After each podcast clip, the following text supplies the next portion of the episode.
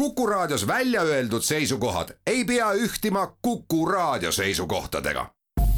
Te kuulate Kuku Raadiot. loodusajakiri, vaata ka looduseajakiri.ee. loodusajakiri alustab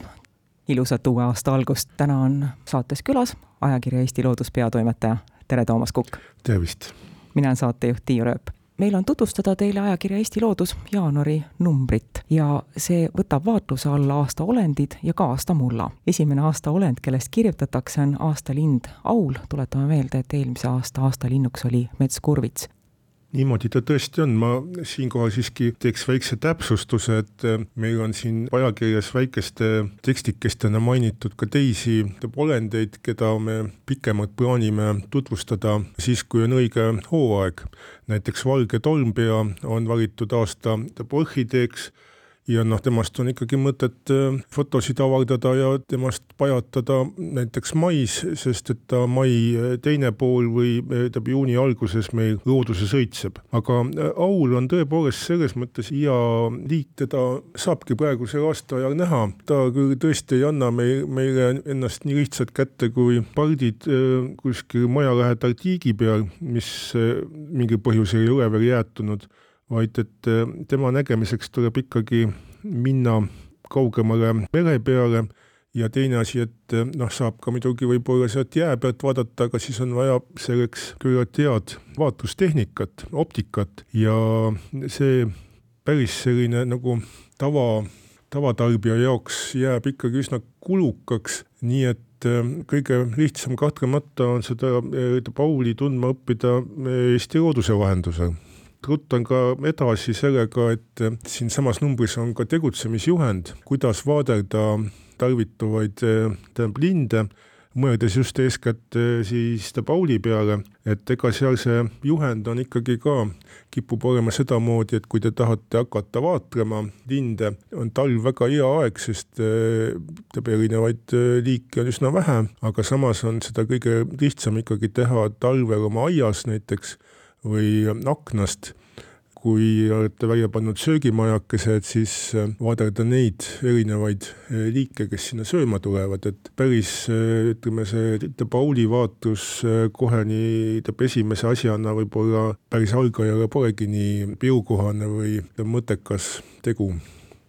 liigume ajakirja Eesti Loodus jaanuari numbri tutvustamisega edasi selle aasta puuks on valitud mänd ja metsateadlane Ivar Sibul tutvustab mändi. Meie harilik mänd on, usun, kõigile tuttav puu ja on tore, et Ivar Sibul tutvustab neid võõrmände, keda võib leida Eestimaalt, kas parkidest, aedadest? jah, neid on meile sisse toodud aegade jooksul päris mitmeid, ka kümneid ja, ja paljud on neist sisse toodud mändidest ka meil jäänud kasvama et külmad või, või ka näiteks liialt niiske kevad ei ole neid äh, maha võtnud. muidugi mändide kohta peab ütlema, et, äh, et noh, et siin selles kenas tutvustuses on, on juures nii siis männi kas okste või tüve foto ja samuti ka käbipilt, aga ega ma, ma võin nii-öelda igaks juhuks hoiatada, et ega päris äh, lõpuni kindlust äh, nende piltide järgi mändi määrates ikka ei teki, sest et äh, tunnused on üsna sarnased. Ja nagu mainitud, see mändide äh, suur mitmekesisus, et puud on ikkagi küllaltki sarnased, nii et kindlasti maksab proovida neid selgeks saada, aga, aga soovitan kasutada ka sellist äh, just männi, mändide määrajaid, mida võib-olla leiab ka isegi internetist, aga, aga kindlasti on vaja selleks täiendavaid äh, kas siis veebilehti, kust näeb veel fotosid juurde või siis ka kirjandust, aga ma julgen öelda, et selliseks äh, männiaasta alguseks on see perekonna kokkuvõte päris, päris hästi välja tulnud lisaks sellele, et metsateadlane tutvustab mändi, kirjutab keeleteadlane Karl Pajusalu samuti aastapuust männist. Ja siit saab teada näiteks, mis puu on juhmänd ja millist mändi kutsutakse maltsmänniks ja millist puud kutsutakse mändialaks. Jah, no kõige sagedamad nimekujud vist ongi pedajas, pedakas ja hong no ja peale selle ka mänd Männi kohta võib muidugi ka pakkuda, et ta ühelt poolt on kindlasti olnud rahva seas ka tuntud äh, puu nimi, aga eks teda on ka ilmselt hiljem kirjandusest nii-öelda õpitud, et, et võimalik, et oled, eks ole, kogu aeg teadnud, et see on äh, hong, aga aga siis koolis selgub, et oi, see on tead mänd. et äh, võimalik, et selliseid äh, muutusi on siin ka, nii et igatahes on jälle mänd selline puu, mille sõna kujunemisloo kohta on võimalik päris palju kirjutada. aasta mullast saab ka lugeda.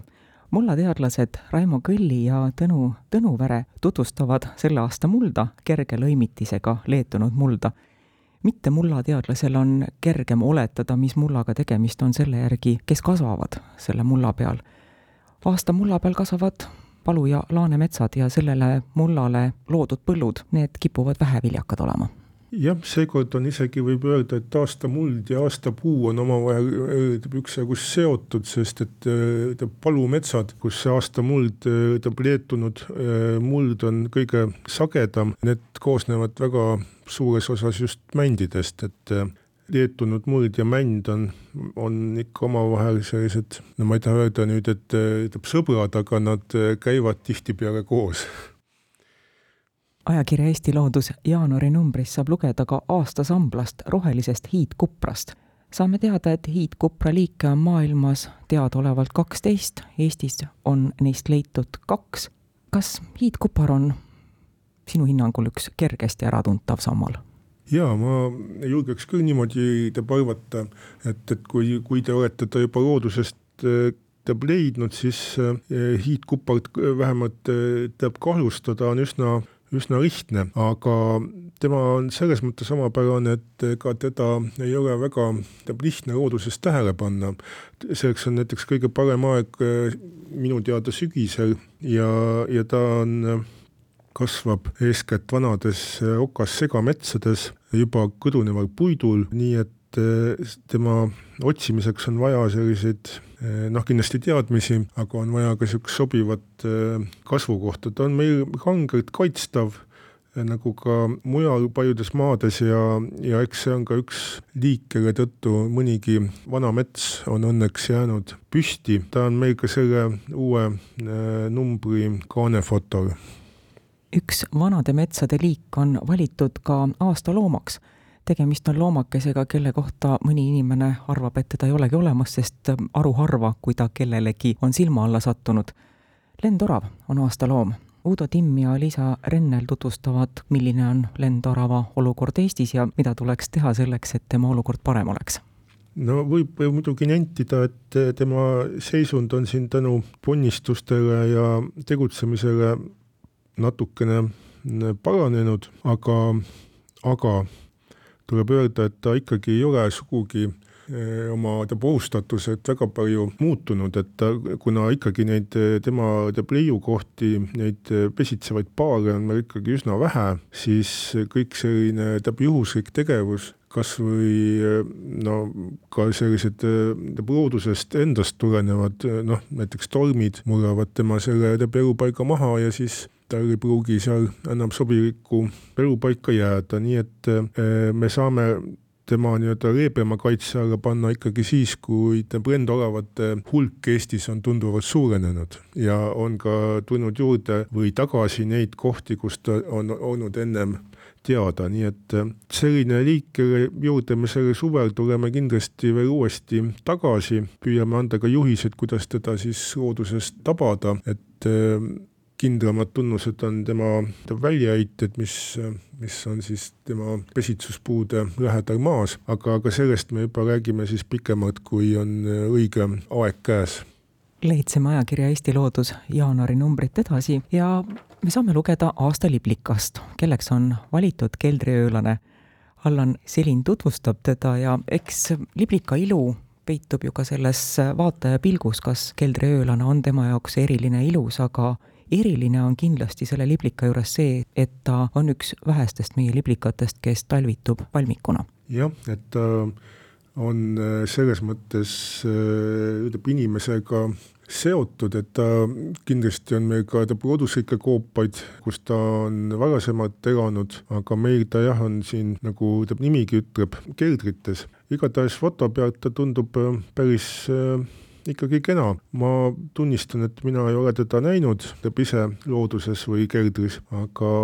tundub, et on täitsa äratuntav ja, ja, ja see, et ta, ta valmikud nii kaua elavad, tavaliselt on nad ikkagi üheaastased see muidugi on ka ikkagi väga tähelepanuväärne. järgmiseks leiab ajakirja Eesti Loodus jaanuari numbrist intervjuu meie esitendrokronoloogi Alar Läänelaiuga. sina temaga juttu rääkisid ja refräänina teie jutust käib läbi see, et oleks vaja noori inimesi dendrokronoloogiaga tegelema. Eks see käib paljude teadusvaldkondade kohta, et tuleks aga see noor ja ja tugev mees või naine, kes siis hakkaks tegutsema, et tegelikult neid valdkondi, teemasid ka siinsamas, seesama puidu vanuse määramine, tegelikult on ta üsna suure praktilise väärtusega, eeskätt kasutavad seda teenusena teeb arheoloogid, kunstiteadlased, kellel on vaja kindlaks teha, kui vana see hoone ikkagi on olnud.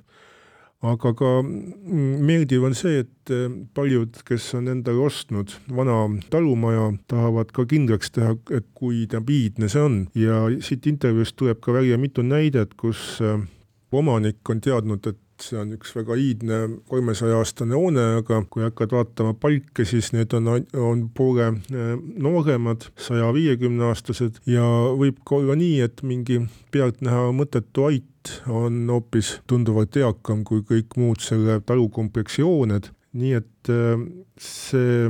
puidu vanuse määramine on äh, väga põnev, vähemalt niimoodi teeb kõrvalt vaadates, eks ta on suhteliselt ju selline täpsust nõudev töö, et sa pead neid aastaringide laiusi mõõtma, need on tihtipeale väga kitsad ja see ei pruugi nii kohe teab lihtsalt juhtuda, et saad selle tulemuse kätte, kuid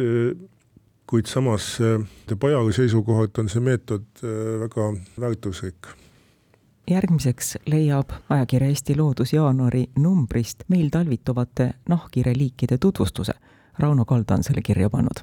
Jah, siit me leiame ka üleskutse, et, et kõik võiksid anda teada vabatahtliku seire raames, et kus kohas ja millised eh, nahkhiired meil talvituvad, et selleks on olemas eh, veebis kui ka siin siis värskes Eesti looduses juhised noh, siin küll päris ei ole sellist äh, nahkhiirte määrajat, mis on, on juba niisugune pikem ja eraldi teema, aga juhiseid, millele tähelepanu pöörata ja kuidas neid ka näiteks looduses või oma keldris võimalikult vähe segada, äh, sellest kirjutisest äh, saab kätte. rubriigis Abiks õpetajale Lilian Kadaja Saarepuu ja Sulev Kuuse kirjutavad, mis asi on koekultuur, kuidas seda saadakse ja miks see hea on jah, see on jällegi sellist tüüpi kirjutis, mis, mis võib-olla ei ole noh, selline päris ajaviitekirjandus, et nüüd õhtul äh, võib-olla tõesti, kui magama ennast sättida, et võib-olla tuleb selle peale väga hea teab uni, neil, keda see absoluutselt ei köida, aga see on jällegi samas äh, minu meelest väga vajalik kirjutis just eeskätt õpetajatele ja ka teistele juhendajatele, et kui tuleb ikkagi selline küsimus, õpilane tahab teada, miks, miks sellist meetodit üldse kasutatakse, siis leiab siit vastused väga paljudele küsimustele, et miks seda vaja on, kuidas seda tehakse, kuidas saadakse loomseid kultuure, taimseid, kuidas kasvatada seeni ja, ja kõike muud, nii et igatahes sellisele koolitöös, ma arvan, võiks sellest kirjutusest kindlasti olla abi sellega oleme andnud teile õige põgusa ülevaate ajakirja Eesti Loodus jaanuari numbri sisust. aitäh, ajakirja Eesti Loodus peatoimetaja Toomas Kukk saatesse külla tulemast! aitäh kutsumast! aitäh kõigile kuulajatele, jälle kuulmiseni! loodusajakiri, vaata ka looduseajakiri.ee